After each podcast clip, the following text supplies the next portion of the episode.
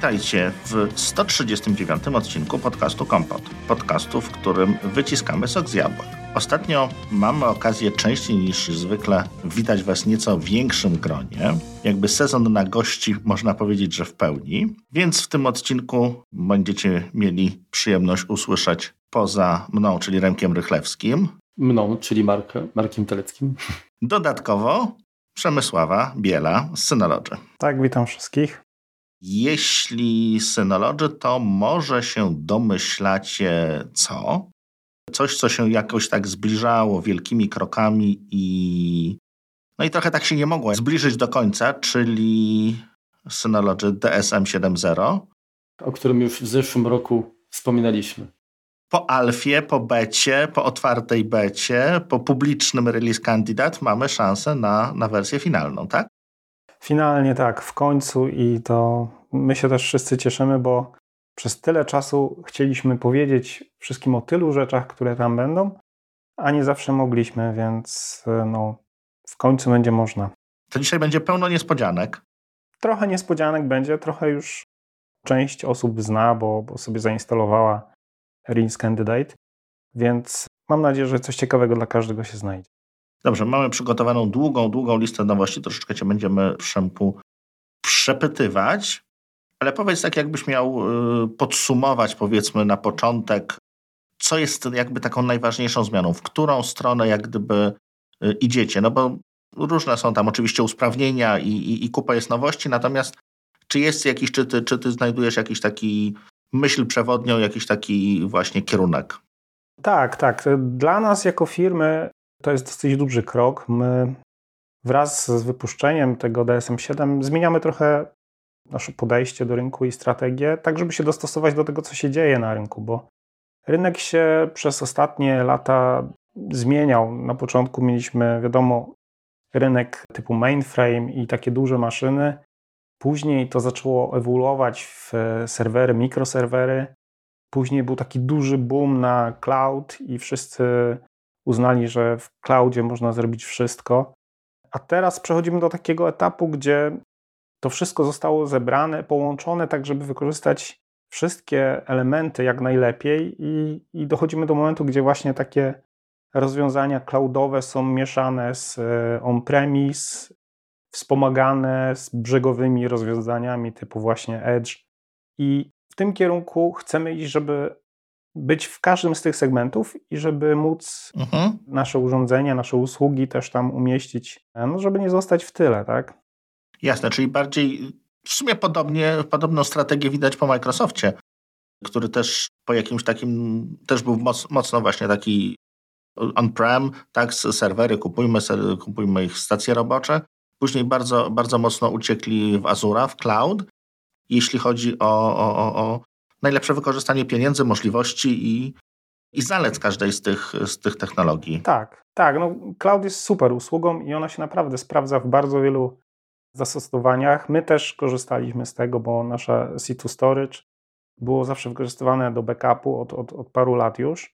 Natomiast nie do wszystkiego jest to idealne rozwiązanie, dlatego czasami jest potrzebny bardzo szybki czas dostępu, bardzo wydajna maszyna lokalnie i, i szybki dostęp do tych danych, gdzie cloud zawsze ma jakieś tam opóźnienia, jest uzależniony od, od łącza i tak dalej. Więc w tym kierunku e, zawsze ten on-premise był te lo lokalne maszyny były lepszym rozwiązaniem. Mhm. A teraz, żeby to wszystko połączyć, wymyślono taki, taki jakby bufor, czyli ten edge computing i dodano tą warstwę, która łączy te dwa, dwie, dwa światy, czyli chmurę z on-premise, między tym jest właśnie ten edge computing, gdzie są węzły, które pośredniczą, cache'ują mhm. i do wszystkich zadań, gdzie są potrzebne naprawdę szybkie transfery, szybkie czasy dostępu, jest właśnie wykorzystywany ten edge, czyli te brzegowe rozwiązania typu albo serwery, albo pamięci masowe, albo są specjalizowane e, urządzenia właśnie cache'ujące.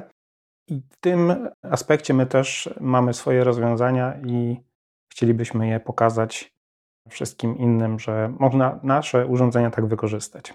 Znaczy, tak myślę, że generalnie takie stopniowanie Także mamy chmurę, później mamy, tak jak mówisz, mhm. te pośredniczące bufory takie i, i, i serwery już tutaj klienta.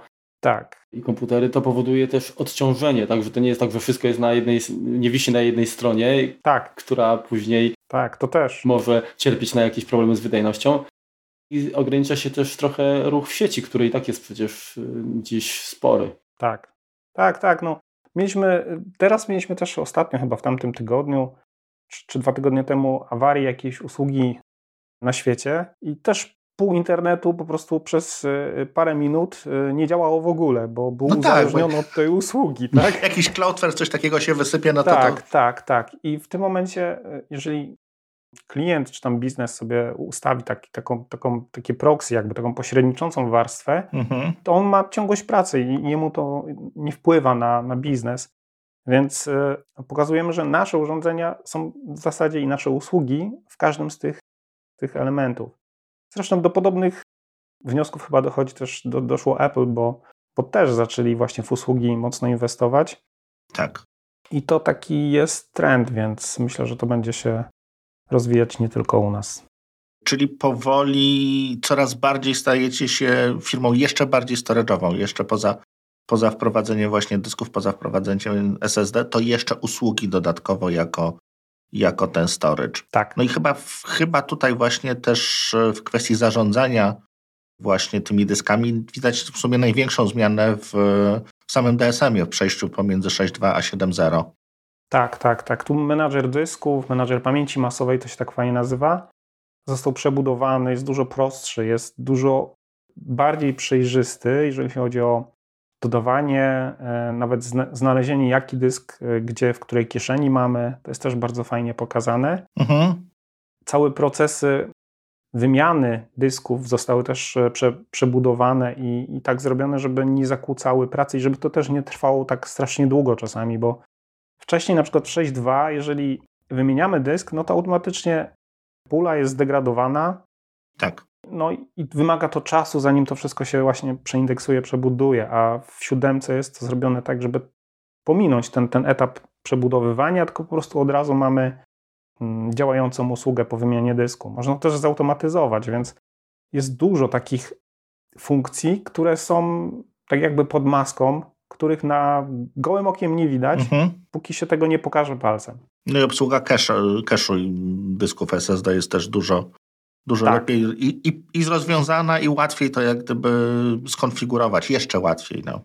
Tak, też bardzo dużo osób sobie nie zdawało sprawy, że jest taki mechanizm u nas, jak narzędzie, które analizuje, ile cache'u ci jest potrzebne i na podstawie tego można sobie kupić ten cache, bo on analizuje użycie na danym wolumenie, historyczne, pokazuje jaki będzie zysk z wykorzystania tego cache'u i ile jest potrzebne. Więc teraz to jest jeszcze łatwiejsze, bo w momencie, kiedy ktoś chce sobie dodać ten cache, to jest pierwsze narzędzie, które się pojawia i można je włączyć, zrobić analizę i na tej podstawie sobie wybrać. To jest też fajne. A druga rzecz, no, sam proces cache'owania został mocno, mocno usprawniony, włącznie z tym, że metadane z BTRFS-a, które są bardzo istotne, jeżeli chodzi o wydajność tego systemu plików, też są kaszowane, są przypinane gdzieś tam do tych plików. Technicznie nie wiem, jak to wygląda, ale wzrost wydajności czasami sięga tam do 200% w przypadku tych danych, więc myślę, że to będzie duża, duża poprawa dla mhm. klientów, też dla, dla właśnie takich e, zwykłych użytkowników. No właśnie, też tak myślę, że że jeżeli chodzi o te zmiany w DSM 7, które mi się podobają osobiście jako, jako użytkownikowi nie Enterprise, to właśnie to, te, to wszystkie optymalizacje, ta przejrzystość interfejsu, ta, to, że jest takie przystępne, bo ja, moje wcześniejsze doświadczenie z DSM 6 na co prawda innym nasie były pozytywne jak najbardziej, ale moje pierwsze podejście tutaj do DSM 7, bo tak stwierdziłem, że na nowym nasie od razu ruszę, skoro jest taka możliwość, to ruszę z betą. I to było to był trafny, to był trafny wybór, dobre rozwiązanie i autentycznie nie doświadczyłem właściwie żadnych problemów. Wszystko jest tak fajnie przemyślane, bo wiadomo, że ciężko jest e, rozwiązania technicznie zaawansowane e, często e, dostarczyć w taki sposób, żeby one były przejrzyste, intuicyjne dla nie, nie inżyniera, tak? No takie jest nasze zadanie. Od, od początku było, był to pomysł na DSM-a, żeby skomplikowane rzeczy dostarczyć w takiej formie, żeby po pierwsze zaoszczędzić czas tej osoby, która to robi, A druga sprawa, żeby to było dostępne dla osób też e, nie, nie hipertechnicznych. I tutaj to jest fajnie zrobione, ale pierwsze co uderza, jak ktoś instaluje DSMA 7, to responsywność tego interfejsu. To, to jest tak szybkie, że my ostatnio pokazywaliśmy to gdzieś na jakiejś prezentacji i kolega się łączył po VPN-ie jeszcze. Pokazywał, jak to reaguje, to, to pan popatrzył i mówi: okej, okay, to jest duża różnica, tak? No. A porównywał gdzieś tam z konkurencją, więc była jeszcze większa różnica w porównaniu do DSM. A to jak jesteśmy przy konkurencji, konkurencja ucieka z, do ZFS-a. I, I, nowe, takie większe, większe rozwiązania są właśnie budują, budują, budują na ZFS-ie. Jest oprócz tego FreeNAS, czy tam tego typu, bardziej takie open, wyrosłe z bardziej z open source'u rozwiązania, które też na ZFS-ie bazują. Też macie takie ewentualnie plany, czy w tych większych urządzeniach, czy raczej zostajecie na razie przy BTRFS? No nie, myśmy wybrali świadomie ten system plików i staramy się go rozwijać wspólnie z, ze społecznością i z, mhm. z mnóstwem innych korporacji typu Facebook, gdyż on ma, jeżeli chodzi o, o pamięć. Pamięć, tak, tak, i tak. O, o, tak i, i o moc procesora, ale też nie ma problemów licencyjnych, które przyszłości mogą się kiedyś pojawić, bo, bo jak wiecie, ZFS ten komercyjny należy do, do Sun Microsystem, teraz to jest Oracle. Należał teraz Oracle? Tak, teraz Oracle. To ja teraz Więc... powiem, bo to by nie wypada i Oracle jest jedną z bardziej takich powiedzmy pazernych firm, tak? No teraz jest na przykład... Dokładnie. Z nimi nigdy nic nie wiadomo, więc... Akcja z Javą, tak? No wychodzi na to, że Java jest darmowa, ale jak używasz jej w firmie, no to proszę bardzo zapłać. Właśnie i my zawsze stawiamy na bezpieczne rozwiązanie i na takie rzeczy, które nie budzą wątpliwości. Żeby, Jasne. Bo, bo, inwestowanie pieniędzy w coś, co za 5 lat się okaże, że każdy musi zapłacić 5 dolarów licencji od tego, no jest nie, niefajne, tak? No tak, no bo klienci będą mieli do Was pretensje. No tak, więc to jest mhm. jeden z takich e, powodów, a druga sprawa, no to tak jak mówiłem, kwestia wydajnościowa i to, że myśmy tak dużo zainwestowali swojego czasu i, i, i energii z tego BTRFS-a i wierzymy, że on jest do tych rozwiązań. Bardzo mocno dogodził tak naprawdę. Tak, to, co, to, co było w ZFS-ie. Więc, mhm. więc myślę, że, że tutaj jest jeden kierunek. Jasne.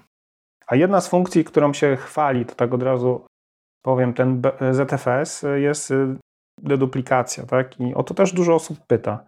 I tam, gdzie uważamy to za sensowne, ta deduplikacja będzie możliwa i to globalna na poziomie systemu plików. Właśnie to też będzie zaleta DSMA 7, bo on jest tą podstawą do tego.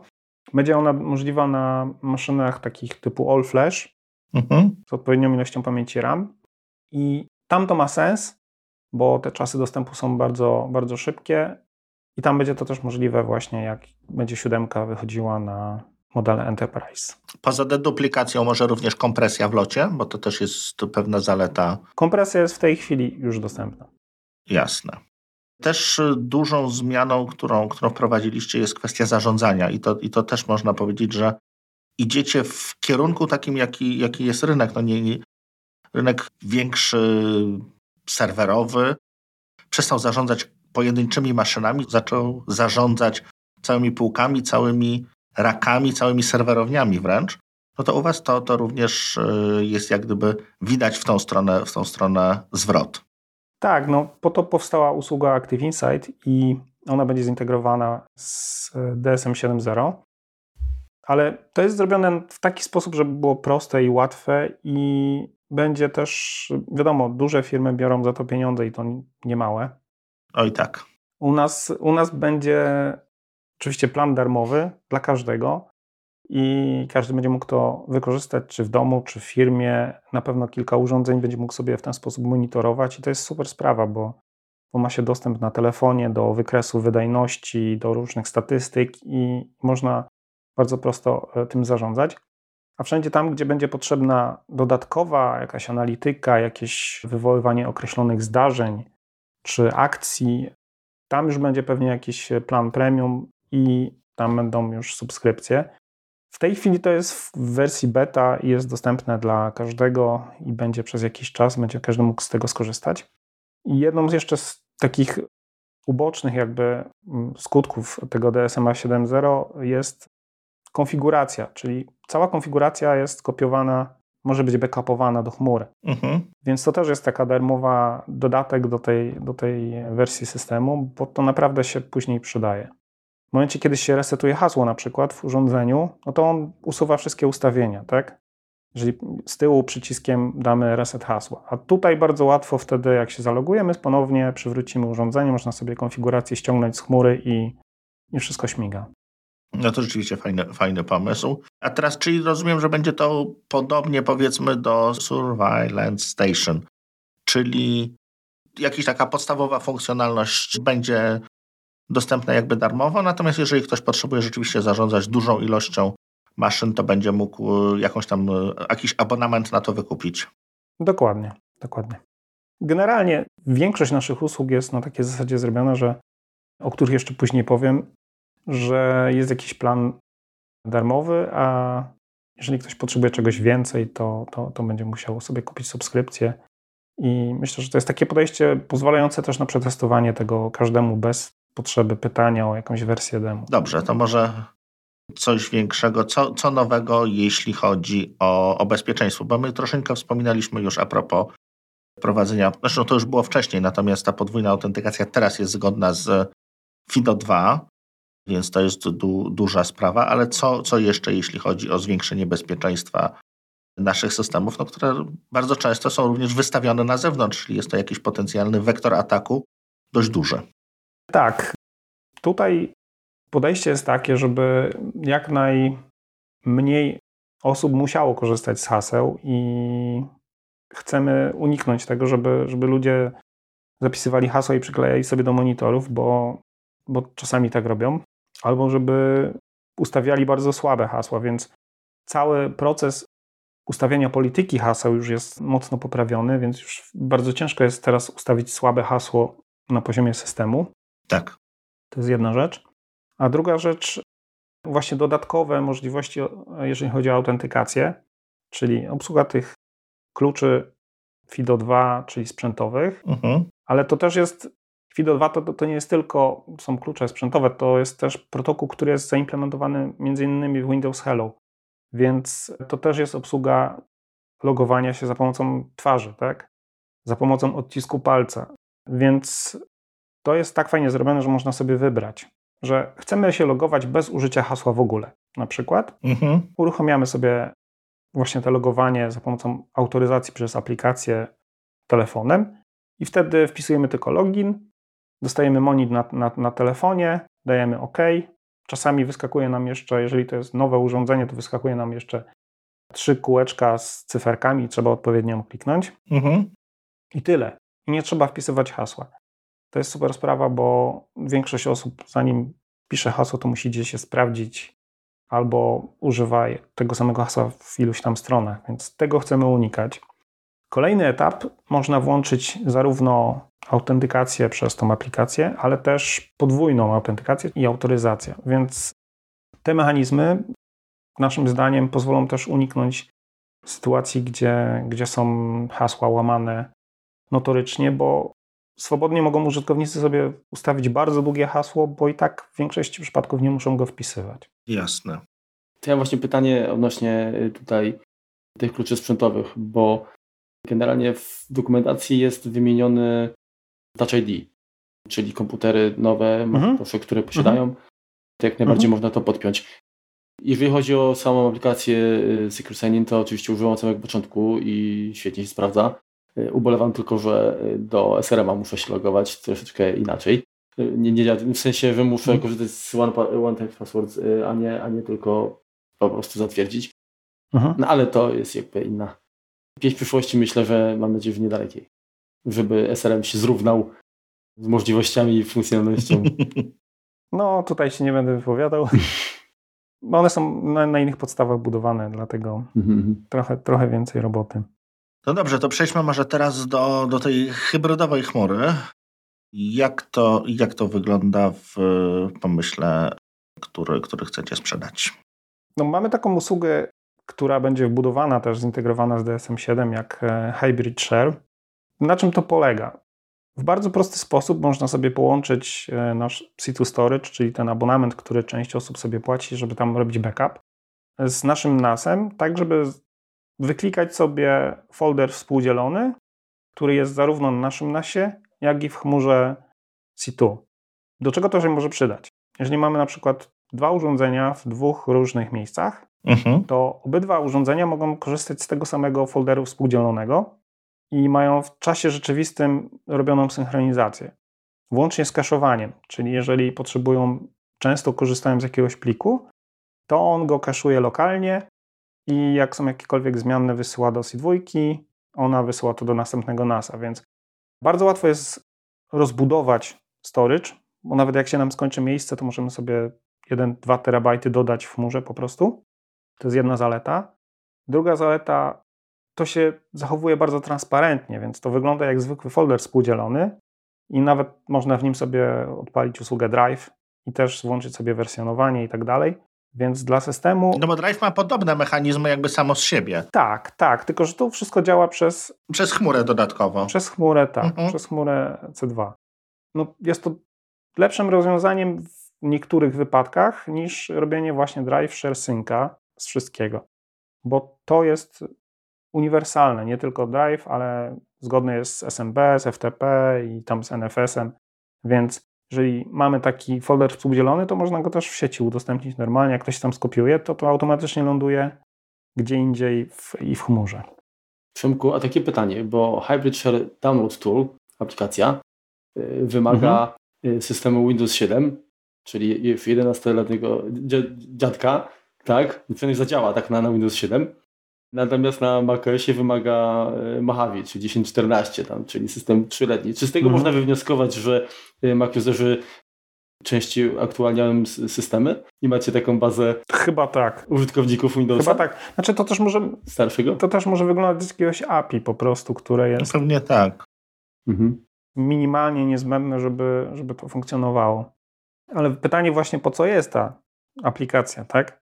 Mhm. Wynika to właśnie z y, bezpieczeństwa, bo wszystko, co wysyłamy do C2, wszystko, co wychodzi z, z Hybrid Share jest szyfrowane, więc nie da się uzyskać dostępu do tego tak o, nawet jeżeli ktoś wejdzie, jeżeli ktoś wejdzie na C2 Storage, to nie ma dostępu do tych danych. Jeżeli nie poda klucza czy tam hasła specjalnego, żeby je odszyfrować. Więc jedynym sposobem, żeby odzyskać te dane, jak nie mamy dostępu do NASA, to jest właśnie to narzędzie. Bo tutaj w tym wypadku, w wypadku Hybrid Shell nie będzie dostępu takiego przez stronę do tych danych. Bo wy trzymacie po prostu blob danych tak. i żeby się do niego dostać jest, jest potrzebny, potrzebny ten klucz, który nigdy do was nie trafia, który, który jest, jest tak, tak zwany internet encryption, czyli szyfrujemy przed wysłaniem, przed tym, jak to, tak, jak to dalej, tak. dalej to, to, jest to, jest, to jest akurat opracowane zgodnie z zasadą zero knowledge, mhm. więc my nie wiemy, co tam jest, nie wiemy, co jest wysyłane, więc tylko końcówki są w stanie odczytać te, te dane. Czy aplikacje takie umożliwiające taki dostęp, ale na systemy mobilne też rozumiem, że są i będą udostępnione? A ja myślę, że nie. Myślę, że raczej nie. Nie, nie sądzę. Czyli z iPada się nie podłączysz? Ale wiesz, no to jest tak naprawdę narzędzie nie do dostępu takiego bieżącego, tylko jakiegoś takiego przy, w momencie, kiedy nie masz dostępu do, do NASA, tak? Więc no jest to do, no. na, narzędzie takie bardziej Awaryjne. Awaryjne, dokładnie. Mhm. Więc z iPada można się podłączyć po, web, po WebDAVie do NASA i sobie korzystać. Do NASA i on po prostu puści to dalej, jasne. W ogóle ta wasza nazwa C2 to jest CEO to jest od, od, od Cloud, tak? Jak rozumiem. Tak, to było na początku Cloud 2, coś takiego. Cloud 2. No to, jak, to jak, jak, jak będzie kolejna wersja, to będzie C3, to, może, to możecie jakąś aplikację, nie wiem, będzie C-Tripio na przykład, albo to. Jedną ze zmian, które towarzyszą wprowadzeniu DSMA 7, to jest konsolidacja wcześniejszych aplikacji poświęconych obsłudze zdjęć, czyli PhotoStation i Moments. Tak? I teraz nowe rozwiązanie nazywa się po prostu Synology Photos. I jest to moim zdaniem dobry krok. Taka, taka konsolidacja usługi. Powiedz Przemku, jak wygląda na, na dziś to rozwiązanie? Co się zmieniło od wprowadzenia w ogóle tego? I czy, czy możemy mówić już o, o rozwiązaniu finalnym? Powiem tak, rozwiązanie finalne u nas nigdy nie jest finalne, bo ten, No rozszerzacie zawsze. te aplikacje, one się ciągle rozwijają. One się ciągle rozwijają. Ale chodzi mi o to, jeżeli był jakiś plan, jakiś roadmap, co ma być, Tak. Był, był plan, był zarys y, funkcjonalności, które były najczęściej wykorzystywane z obu aplikacji i od nich zaczęto. Gdyż jeżeli korzystaliście z e, PhotoStation, to wiecie, że tam było mnóstwo, mnóstwo funkcji. Interfejs był, powiem, no, przyzwoity, ale mógł być lepiej zaprojektowany. Przeciwnie było w moment. Tam było funkcji, nie wiem, nawet nie było prostego przełączenia na widok folderów, ale było to bardzo wydajne i bardzo proste w obsłudze. I były też takie inteligentne rzeczy typu właśnie rozpoznawanie twarzy. Mhm. I bardzo często klienci się nas pytali, no dobra, to aplikacja do zdjęć, no to którą mam wybrać? Często była konsternacja, bo jak zainstaluję Moment, to, to działało zupełnie inaczej. Kopiowało mu się gdzie indziej. Nikt nie wiedział, że tam jest też na przykład przestrzeń publiczna w tym Moment, Mhm. Tylko wszyscy myśleli, że to jest do, do prywatnego użytku i tylko tam się kopiują te pliki. Mhm. W Synology Photos było mnóstwo rzeczy, z których też dużo osób nie korzystało, typu, nie wiem, prowadzenie fotobloga albo jakieś inne rzeczy. Znaczy PhotoStation. Tak, to był taki bardziej dla profesjonalistów, więc pomysł był taki, ok, zebrać wszystko, bo poprawianie tego i tego po prostu uznali, że nie ma sensu. Lepiej to napisać od nowa. Zaprojektowano to tak, żeby wybrać to, co najlepsze z obu aplikacji, zrobić taki jakby zarys, Mhm. a resztę będzie budować społeczność tak naprawdę. Bo to, co się dało, to, co było najfajniej, e, najczęściej wykorzystywane, zostało zaimplementowane w tej chwili, a wszystko inne będzie dodawane w ramach tego, co najczęściej będą prosić użytkownicy. Bo tak to u nas działa, bo można oczywiście było wszystko przerzucić i tutaj, i to, ale część funkcji się dublowała, a część funkcji po prostu wykorzystywane było przez 10% osób, a bardziej nam zawsze chodzi o to, żeby to było proste i, i- przyjazne dla użytkownika, niż żeby miało super hiper specyfikację. Więc e, tak to działa. To teraz jeszcze pytanie, Mhm. bo o ile na iOS-a, y, się generalnie na systemy, na systemy mobilne aplikacja y, Synology Photos już jest, od, od, od chyba początku nawet, Mhm. to brakuje odpowiednika na system tvOS, na Apple TV. Wcześniejsza, y, do DSM-a szóstki i do tych starych y, rozwiązań wcześniejszych, Mhm. aplikacja D- y, DS Photos była, tak, dostępna mm, na Apple TV. Była, sam korzystałem, tak. Właśnie. I to teraz pytanie, czy będzie Synology Photos na Apple TV? Czy wiesz coś na ten temat? Chciałbym, chciałbym z tego, co sprawdzałem i pytałem o to, bo nie tylko ja pytałem o to. Na razie nie ma jej w planach, ale myślę, że jak będzie dużo osób o to pytało, to Dobrze, to gdzie pisać? Gdzie pisać? Podamy. wszy, wszystkie, Adres rzeczy, Adres szefa tak. podawaj i Marek od razu. wszystkie rzeczy na feature request. U nas jest Mhm. taki fajny formularz na stronie głównej, na feedback, feature request i jeżeli dużo, dużo osób tam wysyła zapytania z różnych e, rejonów, to oni, nasza centrala ma cały mechanizm do raportowania tego, analizowania i wtedy przekuwania tego w e, funkcje w przyszłych wersjach.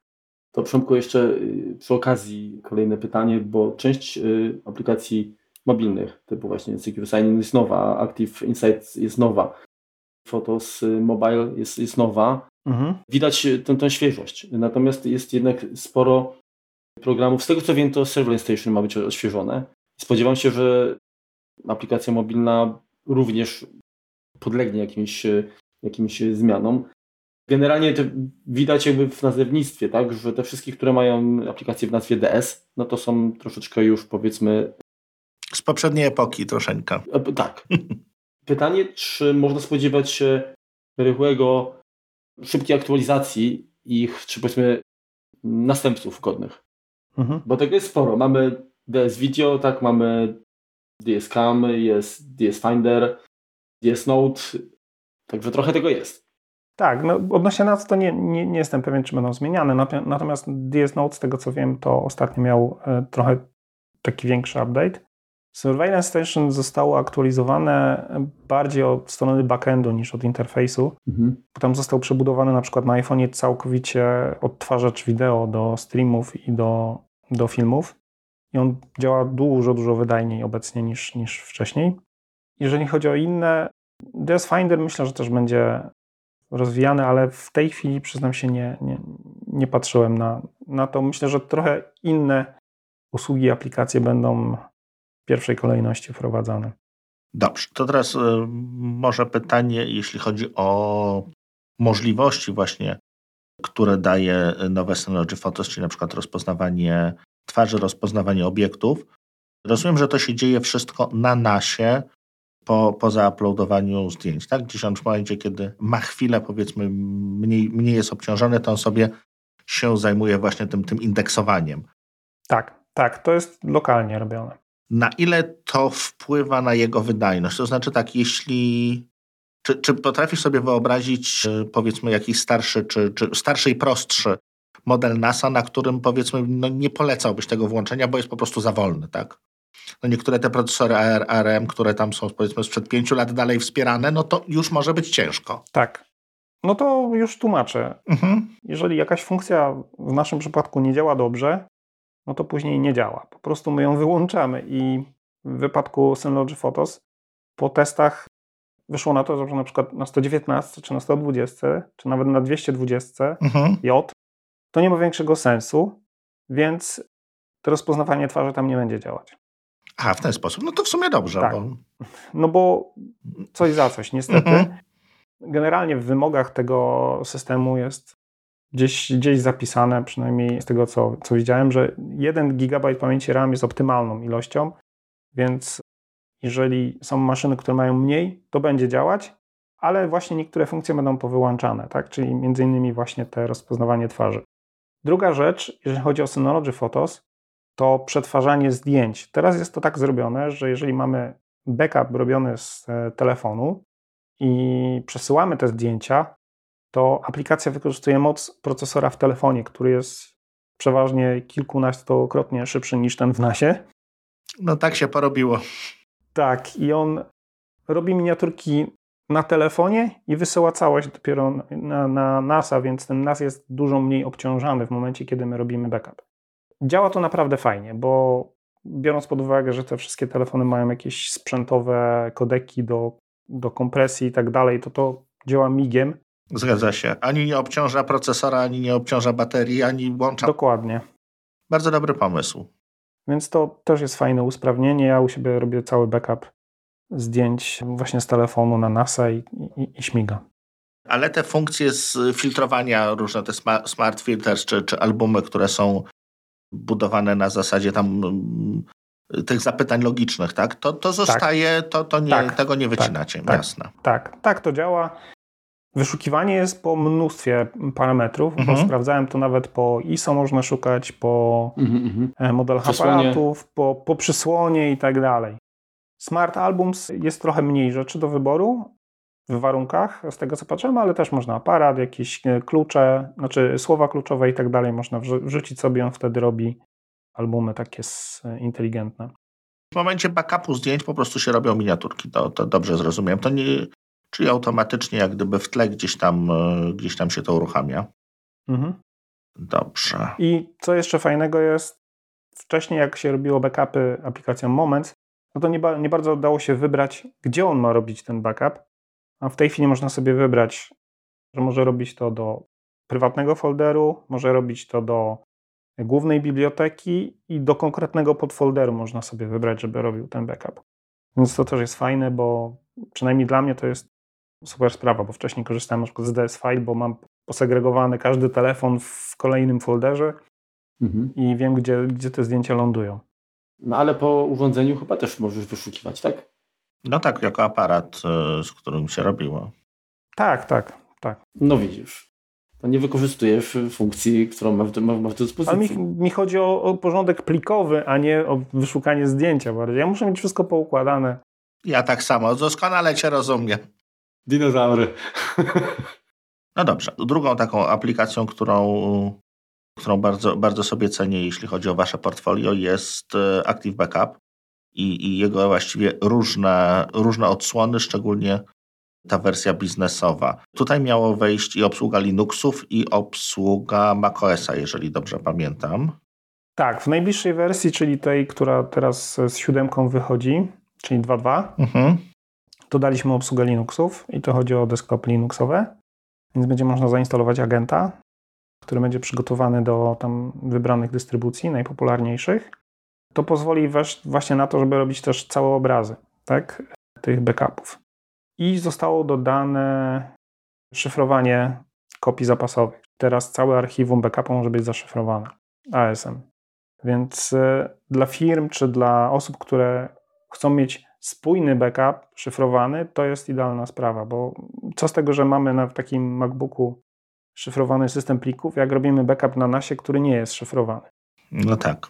To nie ma większego sensu w tym momencie. A, a w takim wypadku bardzo dużo osób o to pytało, o to szyfrowanie i, i udało się w tej wersji to wprowadzić. Jeżeli chodzi o Mac OS-a, jest to zapowiedziane na przyszły rok. Czyli obsługa Active Backup dla Maca mhm. i co ciekawe, dla DSM-a. Czyli, aha, czyli ewentualnie jeden DSM możemy na drugim backupować. Dokładnie, będzie można robić obraz całego, całego DSM-a. Jeśli chodzi o, o backup z maszyn wirtualnych, tutaj mamy jakieś większe zmiany, czy raczej, raczej to, to zostało tak, jak było? Tak, został vSphere 7 dodany. To też może takie pytanie podkręcone troszeczkę. A planujecie może wprowadzić Xena, XCPNG? Jeśli chodzi o wirtualizację tego wirtualizera? Mhm. Wiem, y, na tą chwilę nie wiem, mhm. przyznam się. Musiałbym to sprawdzić, ale to na takiej samej zasadzie. Jak będzie dużo zapytań, to pewnie zrobię. Dobrze, to ja się muszę zacząć pytać, tak? Bo to jest akurat mój, mój ulubiony z racji tego, że, że jest darmowy pewnych, do pewnych zastosowań. To jeśli tak, podejrzewam, że o nowy sprzęt to nie mam co, co cię pytać, bo tutaj będzie, no nie będziesz mógł opowiedzieć, czego się możemy spodziewać, Natomiast może możesz uchylić e, trochę rąbka tajemnicy, czego możemy się spodziewać dalej z DSM-em, tak? No bo powiedziałeś, że cały czas będziecie go rozwijać, będziecie pracować nad nim. To, to z jednej strony, co, co nowego możemy się spodziewać w DSM-ie, a z drugiej może, może jakieś dodatkowe usługi, coś, coś obok tego. Tak, jeśli chodzi o DSM-a, to będzie kolejna wersja 7.01, która Oprócz tego, że będzie oczywiście wprowadzać poprawki e, znalezione w, przez użytkowników w 7, jeżeli coś się znajdzie, to będzie też dodawać właśnie tą e, globalną deduplikację i peta volume. Możliwość zrobienia sobie wolumenu o rozmiarze 1 petabajta. Trochę brzmi jak science fiction. Tak, były takie zapytania i już widziałem, że gdzieś na Reddicie ktoś wymyślił, że o, będzie można czyje kopać na tym bo można zrobić duży wolumen, więc pewnie dużo osób z tego skorzysta. U nas y, były zapytania o takie rozwiązanie, więc idziemy, że tak powiem, za ciosem i, i, i wprowadzimy to. Póki co z naszej sprzętowej oferty, żeby zrobić coś takiego, mamy ograniczoną, że tak powiem, ilość urządzeń, gdzie to można zrobić, ale seria SA spokojnie się do tego nadaje. Ale tutaj myślę, że też się pojawią nowe urządzenia w przyszłości. A jeżeli chodzi. Mhm. Jeśli chodzi, poczekaj, to od razu też e, wspomniałeś jeszcze raz o, o data deduplication. To będzie zarezerwowane do, tylko do flaszy, czy, czy, czy również do, do takich chwilę, powiedzmy tak. konsumenckich? Nie. Nie, nie. Na tą chwilę do all flash y, dużych, tam są dosyć duże wymagania, jeżeli chodzi o, mhm. o pamięć i o, szyb, o czas dostępu. Generalnie wszystko robimy tak, żeby nie wylać, że tak powiem, dziecka z kąpielą, czyli ok, dodajemy jakąś funkcjonalność, ona zawsze ma jakiś wpływ na inne rzeczy.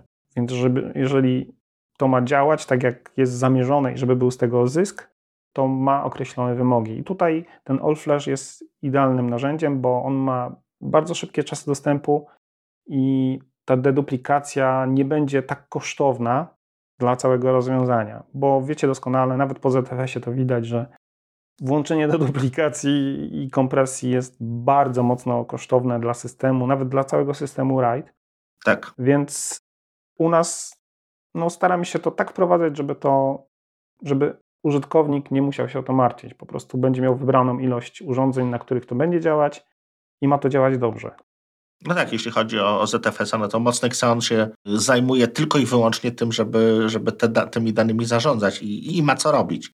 A u Was jeszcze jest tam dodatkowa funkcjonalność, którą, którą może obsługiwać, tak? Więc tutaj, tutaj by to po prostu go zabiło, mówiąc kolokwialnie. Czyli generalnie jak, jak e, przyjdzie do Was klient, to będzie się czuł mniej więcej jak w salonie Rolls-Royce albo Bentleya, jak spyta, czy, jak jest, czy ten sprzęt uciągnie, tak, ma wystarczającą moc, będzie wszystko działać. Tak. I tutaj, jeżeli ktoś planuje właśnie korzystanie z funkcji deduplikacji i planuje sobie kupić takiego all flasha, to na dzień dobry od razu mówię, niech kupi dyski SSD Synology, gdyż zostało to tak wymyślone, żeby działało z naszymi dyskami, bo my mamy wtedy informacje, jak to wpływa na żywotność tego dysku, na wydajność tego dysku i jesteśmy w stanie zoptymalizować ten cały proces, żeby to działało sprawnie. Więc będzie to ograniczone do All Flashy i do dysków SSD Synology. Bo też wspominałeś ostatnim razem, jak rozmawialiśmy, że dyski Synology tak naprawdę, no to nie, nie jesteście producentem jakby nośnika, ale zajmujecie się y, kustomizacją firmy. Softwarem i testowaniem, tak, tak, tak. I o to chodzi w całym tej, mhm. tej całym tym procesie nośników, produkcji nośników w naszym wypadku, żeby oprogramowanie było jak najbardziej zintegrowane z tymi usługami i z funkcjami systemu, żeby wykorzystywać ten nośnik na maksa. Bo w sumie dla Was ważniejsze są jako sprzedawca powiedzmy dysku, czy sprzedawca całego rozwiązania, znaczy właściwie całego rozwiązania, to dla Was w gruncie rzeczy ważniejsze jest to, żeby y, no, klient nie utracił danych. To jest jak gdyby, tak. podejrzewam, myśli przewodnia. Natomiast jeśli chodzi o sprzedawcę dysku, no to sprzedawcy dysku zależy na tym, żeby ten dysk do niego nie wrócił jako popsuty. W gruncie rzeczy dane tak to średnio go interesują. Dokładnie. Więc on będzie, będzie inaczej zgłaszał błędy, inaczej, inaczej się po prostu zachowywał, jeśli chodzi o, o zużycie. Tak, więc przejdę może do, do tych usług, o które pytałeś, bo. Tak, tak. Tutaj też idziemy w kierunku usług chmurowych i to będzie też bardzo mocno rozwijane. W tej chwili mamy w naszej chmurze C2 dwa centra danych. Jeden we Frankfurcie, drugi w Seattle w Stanach Zjednoczonych. Zamierzamy dodać jeszcze kolejne centrum danych na region azjatycki, które będzie w Tajwanie. To jest jeden z takich e, kroków. A wynika to też z tego, że chcemy uruchomić dodatkowe usługi i to będą taka usługa jak backup bezpośrednio do chmury C2, który zapowiedzieliśmy zaraz jak wydaliśmy DSM-a, ale nikt nie zwrócił uwagi na ten komunikat. Będzie to taki, usługa będzie się nazywać C2 Backup. Będzie działać to na takiej zasadzie jak Active Backup, tylko że zamiast robić kopię na NASA, będzie się robić mhm. tak, to będzie się robić bezpośrednio kopię na, na C2. Jest to idealne rozwiązanie dla wszystkich firm, które mają rozproszoną strukturę, dla wszystkich w tej chwili, którzy pracują w domu, mhm. bo można zrobić backup całego systemu, całej końcówki i w razie awarii przywrócić sobie z obrazu. Czyli w tym momencie nie musimy mieć, e, powiedzmy, nie wiem, w oddziale NASA Synology, tylko możemy po prostu bezpośrednio robić tak. do chmury. Dobrze, a super. Tak, tak, tak. Nie musimy, ale możemy, bo to zawsze jasne, może być jasne. kolejny, mhm. kolejny offsite backup, który mhm zgodnie z zasadą 3.2.1. No taki staging powiedzmy się robi. Tak, tak. Cała usługa backupu i to ona będzie dotyczyła wszystkich takich funkcji, jak, jak to było w Active Backup, czyli to będą maszyny, pecety i tak dalej. Mhm. To jest jedna z e, usług. Druga bardzo ciekawa to jest C2 Identity, czyli to jest usługa katalogowa. Znacie pewnie Active Directory, pewnie w większości firm się go wykorzystuje, bo to mocno upraszcza. Niestety z, znam. Zarządzanie, tak, zarządzanie infrastrukturą, ale są takie usługi jak LDAP też, które działają na Linuxie i na Unixowych systemach mhm. e, bardzo podobnie. Natomiast nasza usługa będzie integrować wszystkie systemy, czyli Windowsa, Linuxa, macOSa i będzie pozwalała na robienie tego właśnie bezpośrednio przez chmurę. Oczywiście z możliwością zrobienia sobie lokalnego cache'u, mhm. żeby to zawsze działało. Są już takie rozwiązania. Ale ona będzie się z tym wszystkim dogadywała po LDAP-ie, czy jakoś bardziej, bardziej natywnie? Będzie się dogadywała po, po naszym właśnie jakimś tam e, protokole, gdzie będzie... A czyli po prostu konektory będziecie mieli do, tak, do różnych... Tak, jasne. Tak, tak, do różnych systemów. Myślę, że tutaj też dużo osób będzie chciało z tego skorzystać, bo, bo o taką usługę też pytali. Jest paru graczy na rynku, którzy takie rzeczy oferują, ale chyba nie, nie wszyscy oferują to w takiej formie jak my, żeby to działało na wszystkich systemach. To kiedyś Novel Network miał coś takiego jak a Directory. Też właśnie próbował integrować, no ale nim się to akurat nie udało do końca. No. Kolejna usługa to też bardziej taka e, biznesowa, która się nazywa e, C2 Transfer, czy tam C2 Transfer. Jest e, do bezpiecznego wysyłania plików, bo ok, w tej chwili każdy może sobie udostępnić link z NASA i wysłać komuś, no ale jak ktoś ten link ma, no to ma dostęp do tych danych, tak? No można jeszcze to zabezpieczyć hasłem. Ok, ale najczęściej ludzie robią tak, że wysyłają i link, i hasło w tym samym mailu. Niestety tak. Albo wydając, wydaje mi się, że jak wyślą w drugim mailu hasło, to jest jeszcze to jest bezpieczniej. No to już chyba bezpieczniej się nie da. Więc y, żeby omijać takie rzeczy, został zaprojektowany ten C2 Transfer i on działa na takiej zasadzie, że wysyła się y, komuś oczywiście link, ale ten link działa tylko i wyłącznie na konkretny mail i dopiero po autoryzacji tym mailem i wpisaniu kodu z tego maila możemy pobrać dane, tak? Dodatkowo jeszcze te dane mogą mieć znak wodny, mogą być e, zahasłowane, więc e, myślę, że to będzie też fajna bardzo usługa dla klientów. Ale to umieszczamy na waszym serwerze. Tak, to jest w chmurze. Tak, to jest w chmurze. Mhm. Oczywiście wszystko jest szyfrowane, zanim zostanie wysłane, więc. Jasne. To tak samo Zero Knowledge i, i, i, usługa. A to będzie jakoś płatna usługa, powiedzmy bardziej enterprise'owa, czy też będzie jakaś taka wersja cywilna, powiedzmy, dla, dla Szerego Kowalskiego, jak to? Tutaj przyznam się, nie wiem. Mhm. Nie wiem. Nie chcę, nie chcę wychodzić przed szereg. Natomiast kolejna usługa będzie, to już będzie usługa też taka bardzo dla końcowego użytkownika. Mhm. I myślę, że tu każdy z tego skorzysta. Ja, ja bardzo czekam na tą usługę, bo ja używam osobiście OnePassword. Mhm. Póki nie było to subskrypcją, to była najlepsza aplikacja na świecie.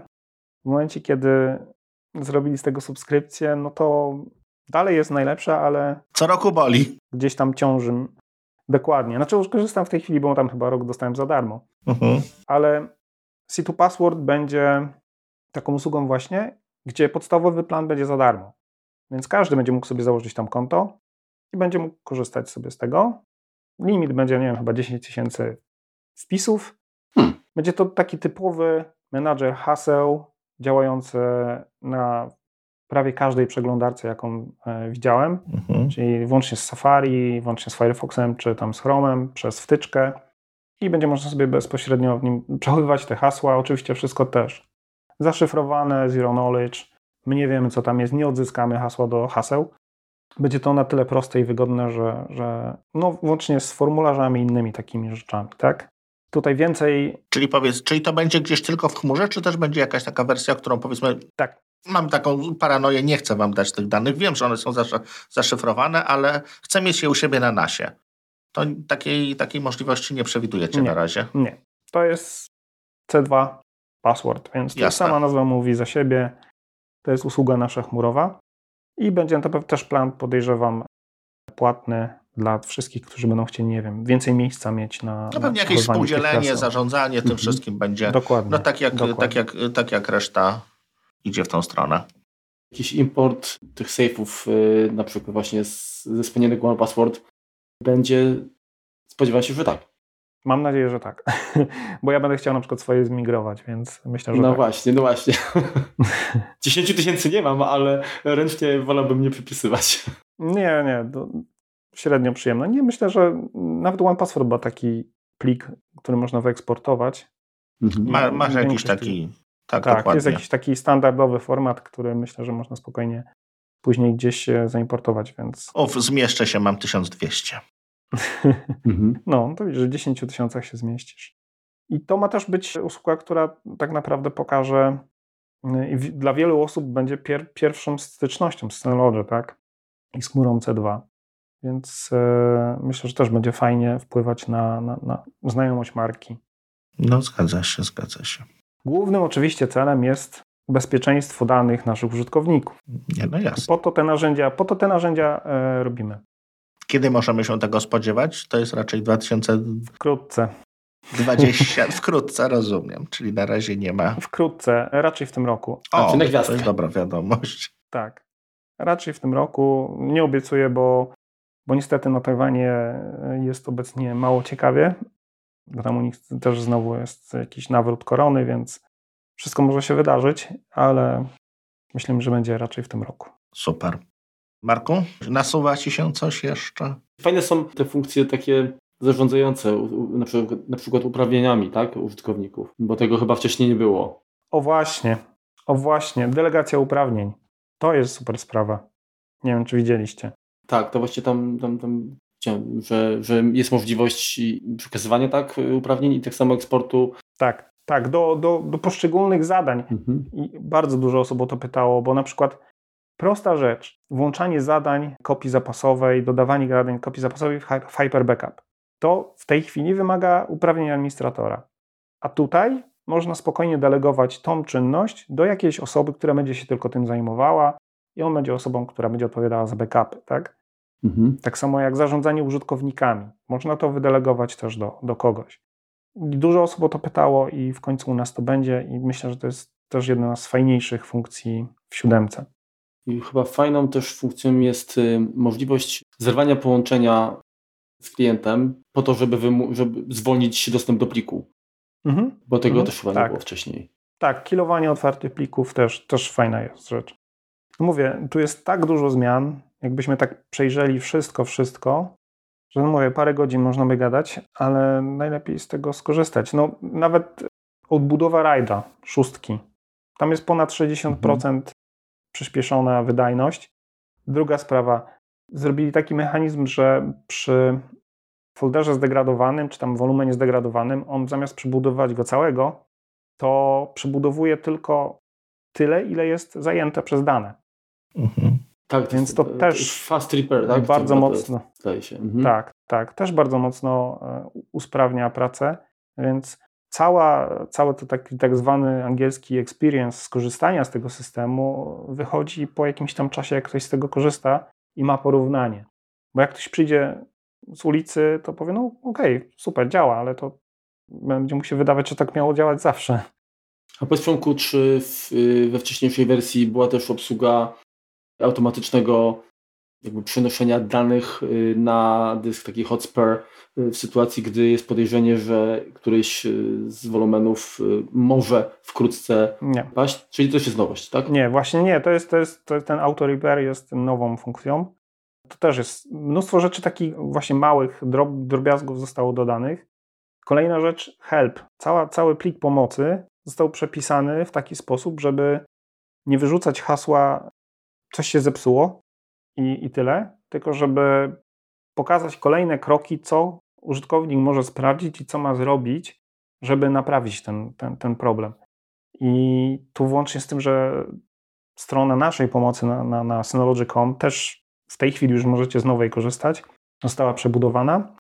Więc jak teraz się wchodzi na Helpa, to oprócz tego, że mamy wybór DSM 6.2 i DSM 7.0, to jest całkiem nowa strona, można wyszukiwać po hasłach, można przeglądać to po kategoriach, po aplikacjach i to też jest w dużym stopniu fajniej zrobione.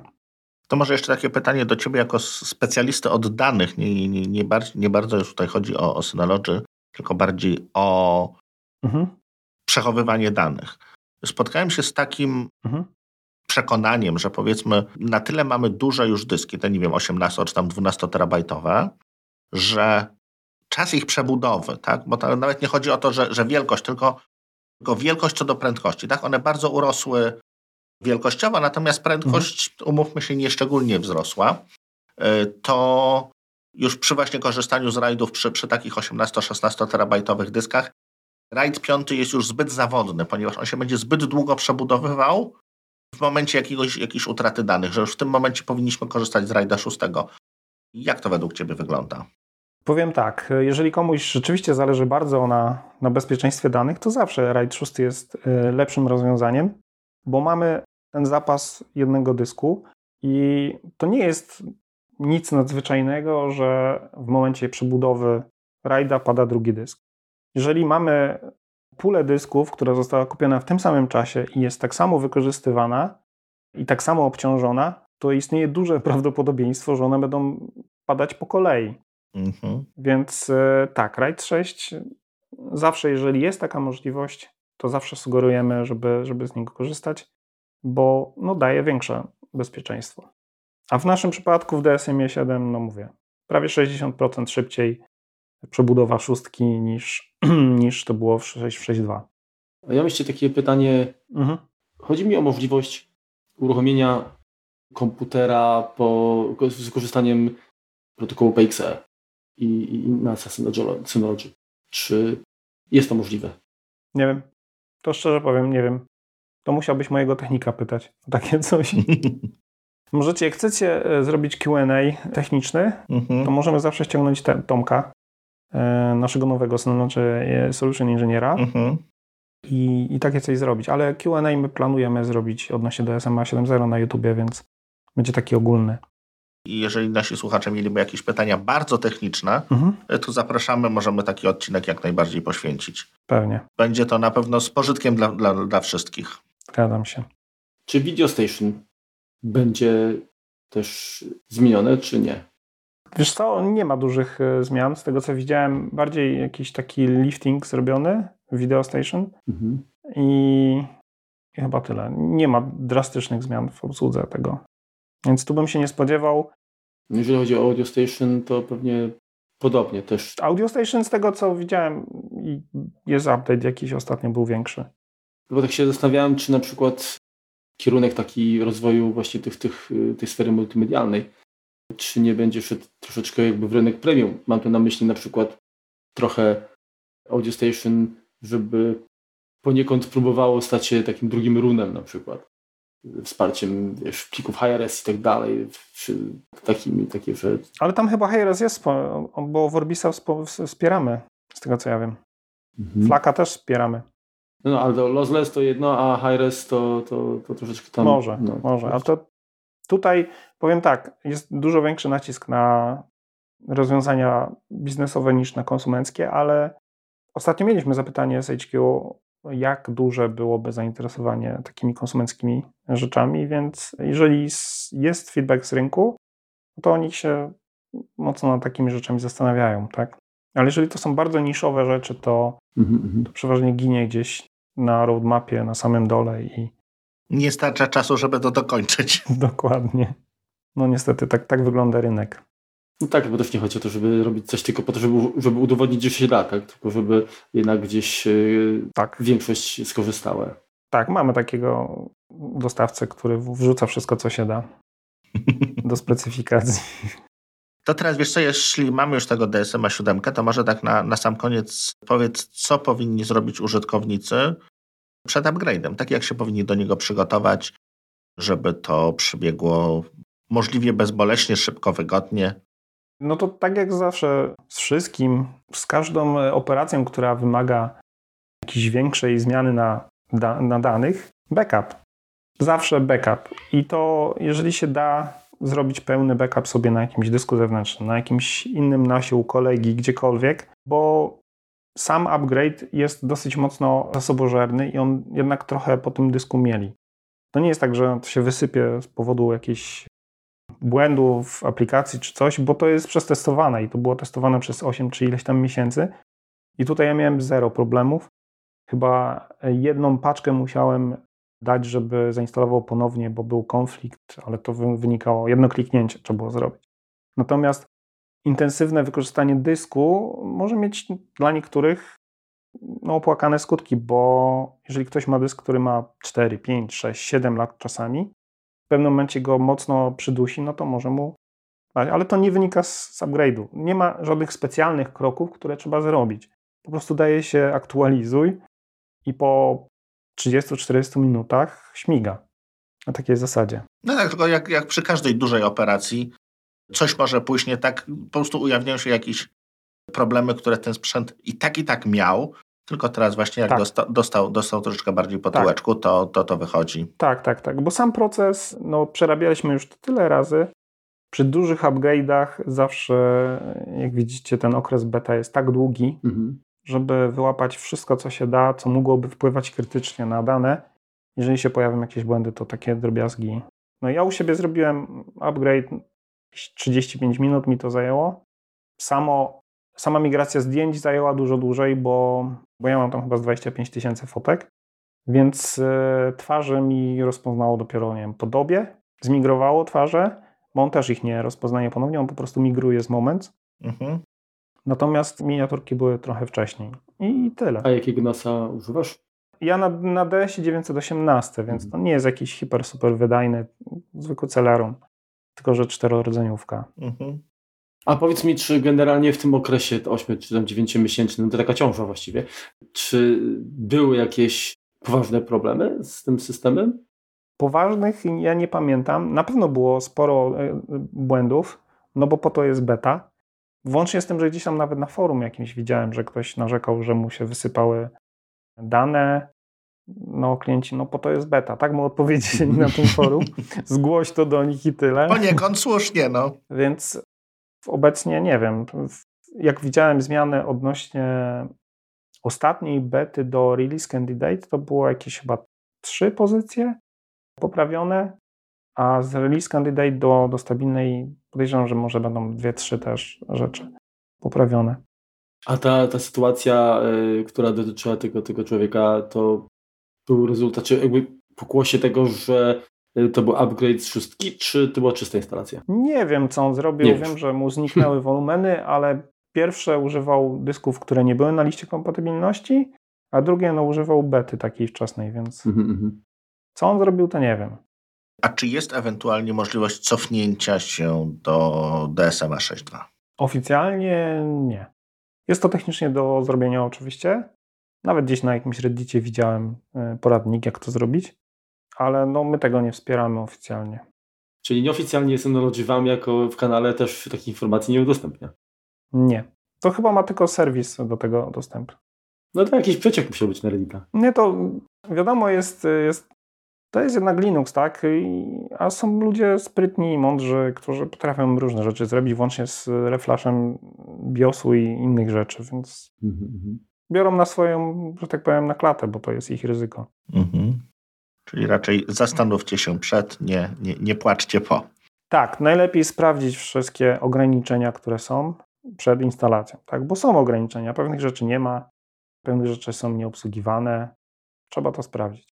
No, na przykład nie ma, nie ma obsługi tych urządzeń USB, typu jakieś klucze, jakieś e, karty Wi-Fi i tak dalej, modemy, wszystko, Modemy, coś takiego, tak, tak, tak. wszystko wycięte. Myślę, że to zostało wycięte z powodów chęci utrzymania jakości, bo nie jesteś w stanie tego zrobić, bo większość tych e, sterowników była w bardzo kiepskim stanie deweloperskim.